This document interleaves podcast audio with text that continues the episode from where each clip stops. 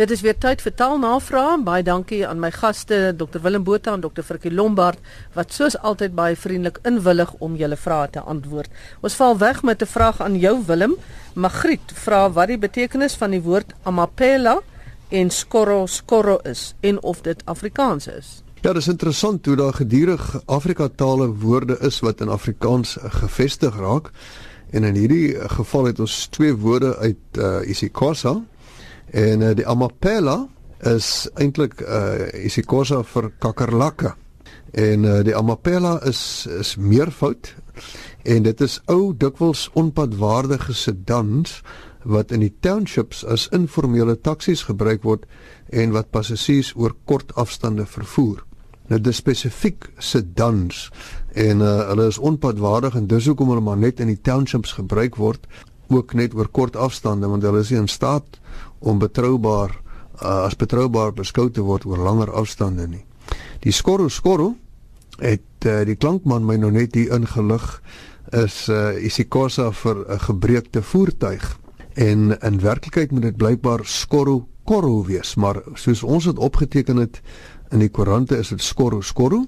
En dit is 'n ou gehawende afgeleefde voertuig wat nie baie betroubaar is nie en wat veral as 'n taxi in die townships gebruik word.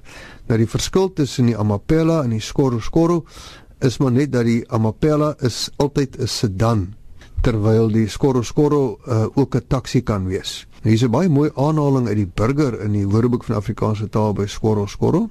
Praat jy met die eienaar van 'n Skorro Skorro, kom jy gou agter hy ry nie daarmee om ander motoriste te frustreer of ongelukke te veroorsaak nie. Hy wil ook nie regtig daardie boete van R850 hê omdat hy sy bande te glad laat word het nie. In die vlugteligte nie werk nie, nie omdat hy dit regtig so wil hê nie. Sulke ou karre staan dikwels in diens van 'n gemeenskap. So dis eintlik daar vir 'n goeie doel. Dit is daar om die gemeenskap te help.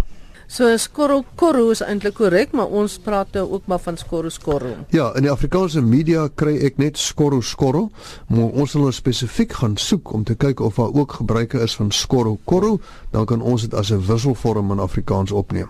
En solank jy nou net nie vir jou skoonma sê amapela nie. dan is die saak ja, reg. Ja. Goed, Frikkie, 'n autopsie is 'n nadoose ondersoek.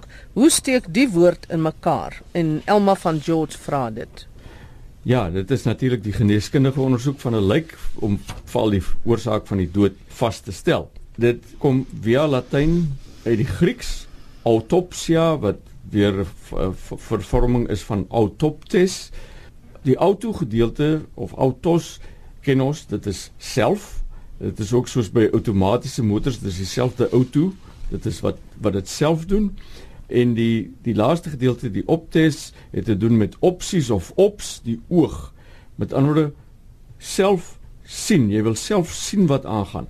En dit is dit staan eintlik dink ek vir 'n ooggetuie. Hulle het 'n ooggetuie nodig van hoe iemand dood is. Net soos 'n autopsie vandag as dit ware vir jou 'n ooggetuie maak waar jy 'n insig kry in hoe die mens dood is met wat die mens vermoor is uh, wat jou uiteindelik ook kan lei tot by die persoon wat die daad gepleeg het. Nou ek sê altyd vir die omroepers hierso die woord nadoodse ondersoek is vir my 'n mooier woord as autopsie. Kom ons kyk of ons dit eerder kan gebruik. Is dit korrek? Hmm. Wel ek ek sal nogal pra maklik praat van 'n nadoodse ondersoek ja, eerder as 'n autopsie. Ek ek dink nie ek gebruik die woord wel. Ek gebruik nie in elk geval nie een van die woorde baie nie, maar ek sal nadoodse ondersoek nogal verkies. Goed, dan gaan ons na Willem toe met die volgende vraag. Gabri of Gabri Malherbe, twee vrae. Eerste ene, waarom praat ons van akklimatiseer in plaas van klimatiseer? A beteken tog nie of weg van, soos in apolities en asosiaal. Hy reken ook in Engels gebruik hulle climatize. Hy wil ook weet hoekom ons pro gebruik waar ons eintlik pre moet gebruik soos proaktief in plaas van preaktief. Dis 'n mondvol. Willem. Dis 'n mondvol. Ons ons begin dadelik. Nou akklimatiseer word met twee k's gespel, want die woord is saamgestel uit twee dele, naamlik ak ak plus klimatiseer. Ons kry dit ook so in Frans en Engels in acclimate en acclimatize. So dit gaan hier nie oor a, die latynse a nie. Jy kry dit ook in acknowledge, dis ek plus knowledge en 'n company dis AC plus company. So die AK maak soms van 'n selfstandige naamwoord 'n werkwoord soos 'n acknowledge en 'n company. In die geval van akklimatiseer het ons dit eenvoudig so uit Frans eintlik ons het dit uit Nederlands, maar die Nederlanders het dit uit die Frans gekry. So hierdie AK kom in Romaanse tale en Germaanse tale voor. En soos ek gesê het, dit is nie die Latynse A wat nie of weg van beteken soos 'n asosiaal en apolities nie. Nou die vraag oor pro en pre is is baie interessant. Hy sê dat toe hy in Nieu-Seeland was, beide op die Noord en die Suid-eiland, het hy gehoor dat die Nieu-Zeelanders praat van pre-active waar ons van proaktief en dan in Engels proactive praat. Nou die sleutel tot hierdie raaisel, uh, Gabri, is dat pro kan dieselfde betekenis as pre hê. Benemens die feit dat hy kan beteken vir soos pro-kommunisties, vir of ten gunste van kommunisme. Nou voorbeelde van pro wat dit voorbeteken is soos 'n proloog, profilakse. Profilakse is die voorkoming van siekte. Iets soos profase wat 'n eerste of 'n voorstadium is. So soms gebruik ons pre en soms gebruik ons pro in die betekenis van voor. Dit is maar 'n eienaardigheid, dit is deel van taal. Dan het hy ook nog 'n vraag oor monitor. Hy sê sover ek weet is 'n monitor iets soos 'n TV-skerm waarop verskillende dinge gesien, waargeneem, gehoor en beheer kan word. En nou hoor hy dat mense monitor in as 'n werkwoord gebruik en en dit klink vir hom verkeerd. Nou Gabri monitor en moniteer is beide aanvaarbare werkwoordforme van monitor. En die persoonsnaam wat daar gevorm word is monitor of moniteerder. So beide monitor en moniteer is korrek as werkwoorde. Frikkie van wil weet wat die herkoms van die woord prooi is. Ja, dit is 'n interessante herkoms uh, van uh, Nederlands ken ook prooi, Middelnederlands prooi. Via Frans het dit gekom uit Latyn praeda. Willem, jy moet maar sê as ek dit verkeerd uitspreek, ek dink is reg. Latyn is pragtig. Praeda en dit het beteken 'n buit of 'n wins wat jy gemaak het. Nou wat hier gebeur het is baie interessant. Die buit wat jy van iemand afgeneem het was dan oorspronklik die prooi. Maar toe daar nou so heeltemal 'n verskywing plaasgevind dat van dit wat gesteel is na die persoon van wie jy dit in die eerste plek afgeneem het. So daardie prooi het heeltemal van betekenis begin verander. Dit staan nie meer vir die wins nie, maar vir die persoon van wie jy die wins verkry het of die buit verkry het. En prooi self het natuurlik ook uitgebrei in betekenis. Ons weet nou dat uh, 'n sekere bok kan die prooi wees van sê maar 'n luiperd of 'n leeu. So die daar het 'n betekenisverskywing uh, plaasgevind wat heel interessant is. Goed Willem Marlo McLean wil graag weet wat die Afrikaans vir Skype is. Skype is 'n handelsnaam net soos Facebook en Google.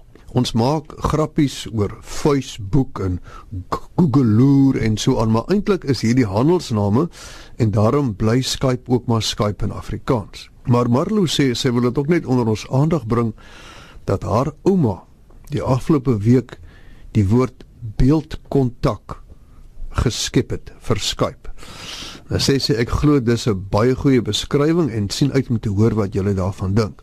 Nou ons dink ook dit is pragtig dit is nou maar net sodat dat Skype is 'n handelsnaam en dit mag wees dat 'n woord soos beeldkontak dalk mag gewild word onder die Afrikaans sprekendes maar kom ons kyk wat gebeur. Uh wat betref opname in 'n woordeboek is die die maatstaf gewoonlik dat om opgeneem te kan word in enige woordeboek moet daar genoegsame bewyse wees dat 'n woord gevestig is in die taal. So as beeldkontak nou gevestig raak in Afrikaans, dan kan ons opname oorweeg. Maar uh, hier is ook 'n uh, eh, nota by by hierdie vraag van Jan Smit wat vertel van die klein Gustaf ter Blanche wat draai spyker geskep het vir skroef. Ek wil maar net sê dit dit is ook pragtig, maar waarskynlik sal dit gesinstaal of gesinslek om geleer te te klink uh, bly. Maar uh, natuurlik dieselfde as in die geval van beeldkontak as dit nou gewild raak in Afrikaans kan woordeboeke dit oorweeg om dit op te neem En ek as ek net iets kan sê hieroor, kyk, ons probeer um, in Afrikaans mos maar woorde kry wat so kort en beskrywend as moontlik is. Nou draaispyker, hoekom sal 'n mens dit nou gebruik as jy die woord skroef het wat baie kort en mooi is in ons in is ingeburger. Hmm. En dan oor beeldkontak is my vraag nou net hoe gaan jy die werkwoord daarvan af kry want Skype word eintlik maar gebruik in 'n werkwoordvorm. Ja, jy sou natuurlik kon sê ek beeldkontak gou vir uh, Magdalene. Dit is moontlik. Maar ek dink uh, wat Maar onwaarskynlik. Ja, ek dink in die eh, tweede geval is dit maar net 'n voorbeeld van hoe skepend kinders met taal kan omgaan. Dit ja. ek dink dis maar net wat ons hier gesien het. Ja. Sadi wil weet waar die woord epikonders vandaan kom. Ja, dit is ook interessant. Ja, Grieks natuurlik wat ons dit weer gekry het. Dit epikonders is iemand met hipokondrie.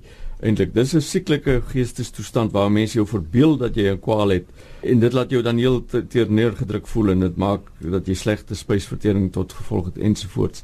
Nou, wat is presies dan nou hierdie hipokondrie? Die hipo gedeelte kom van die Griekse hypo wat beteken onder en die kondros is dan die borsbeen. Met ander woorde, die vermeende kwale wat jy het kom alles hier van onder jou ribbe, onder die ribbestreek kom dit vandaan.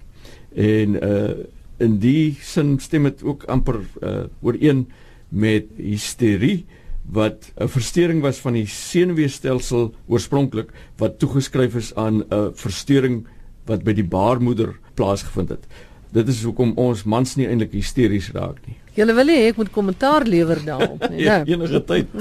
Goed, nou mee, ek gaan onmiddellik aan na die vraag wat vir Willem is. Willem, Louisa Bell vra dat ons die gebruik van beken en erken sal bespreek. Die gebruik van beken in die betekenis van erken, soos in skuld erken, pla vir haar. Ja, sy sê ons het altyd gesê hy het sy fout erken of hy het skuld erken. En in die Bybel praat hulle van Lot wat sy dogters beken het en toe was daar babas. Nou volgens haar word beken deesdae verkeerd gebruik.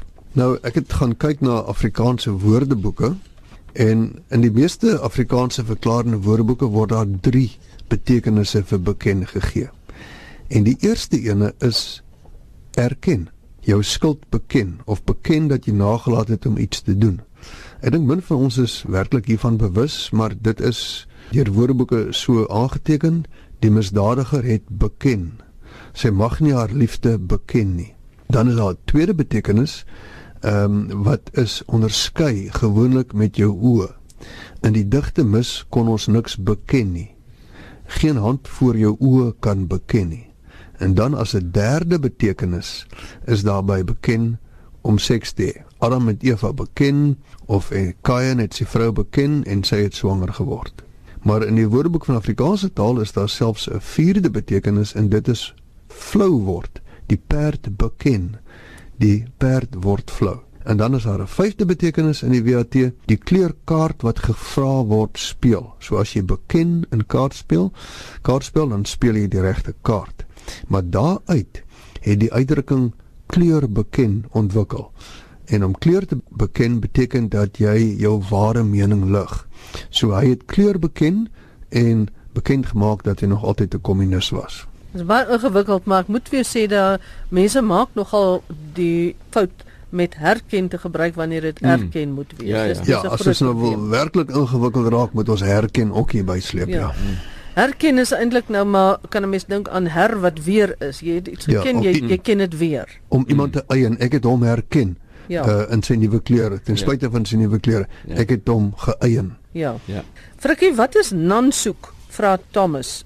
Hy het die woord onlangs raak gelees. Nansoek soos in N A N S O E K. Dankie dat jy hom uitspel daar, uh, Magdalene. Dit is inderdaad 'n ligte katoenstof wat en as mens nou in die woordeboeke gaan kyk dan sê hulle geskik is vir fynklerasie. Nou fynklerasie as een woord geskryf wat ook nie aan ons almal bekend is nie. En dit is nou veral in Indië. Fynklerasie beteken fyn onderklere van dames. En dan soek is dan baie geskik om sulke fynklerasie, sulke fyn onderklere vir dames te maak. Dit uh, kom uit die Hindi en wat nogal baie pragtig is, die eerste gedeelte die nan kom van nine wat beteken oog en die soek is plesier. Met ander woorde, dit is 'n plesier vir die oog. Vraag van Petrofna Metlerkamp en sy vra of daar 'n gangbare Afrikaanse ekwivalent vir die Engelse by word of mouth is. Ja, sy maak ook haar eie voorstel. Nou die woordeboeke sal sal vir jou sê dat die Afrikaans vir by word of mouth is mondeling of mondelings. En sy maak die voorstel van mondelangs. En dit is 'n woordspel met mondelings en padlangs. 'n Analogie van padlangs. Uh mondelangs is dan haar voorstel, maar vir my as 'n mens sou sê mondlangs, uh klink vir my na nogal 'n baie baie positiewe uh byvoeging tot ons woordeskat moontlik, né? Ek het maar mondlangs gehoor van hierdie uh pragtige restaurant.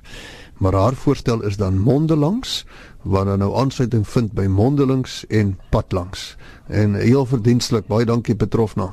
Frikkie, ons gaan met jou antwoord op die volgende vraag van Piet de Tooi afsluit. Hy vra dat ons 'n bietjie meer moet vertel oor die woord oksimoron. Piet, dit is 'n uh, oksimoron is 'n stylfiguur waarin jy twee begrippe het wat eintlik teenoor mekaar staan en uh mekaar eintlik wederzijds van mekaar af verskil en hulle word nou saamgegooi. Dit is soos ou nuus want nuus is altyd veronderstel om nuut te wees juis. Siende blind, horende doof. Nou dit kom uit die uit die Grieks oxus wat beteken skerp plus moros wat beteken verspot of laf. Met ander woorde 'n oksimoron is eintlik 'n skerp verspottigheid of lawwigheid. Goed en daarmee het ons aan die einde gekom van die program. Ek wil net vir julle twee woordeboekmense sê, 'n kollega van my kom wys vir my nou onlangs 'n boek wat hy gekoop het by 'n tweedehandse boekwinkel, Jan hmm. Rabie 21. Ja. En op die op die omslag van die boek staan nou geskryf, die oopmaak woord is deur so en so. En dis vir my so mooi woord. Oopmaak woord. Dis oopmaak woord, né? Is dit 'n mooi woord? Ja. Ek teken hom op. Ja, in plaas van die voorwoord. Ja, oopmaak woord. Ja, Pragtig. baie mooi woord. Ja. Baie dankie soos altyd Dr Willem Botha en Dr Frikkie Lombard van die Woordeboek van die Afrikaanse taal. Ek en hulle groet tot 'n volgende keer.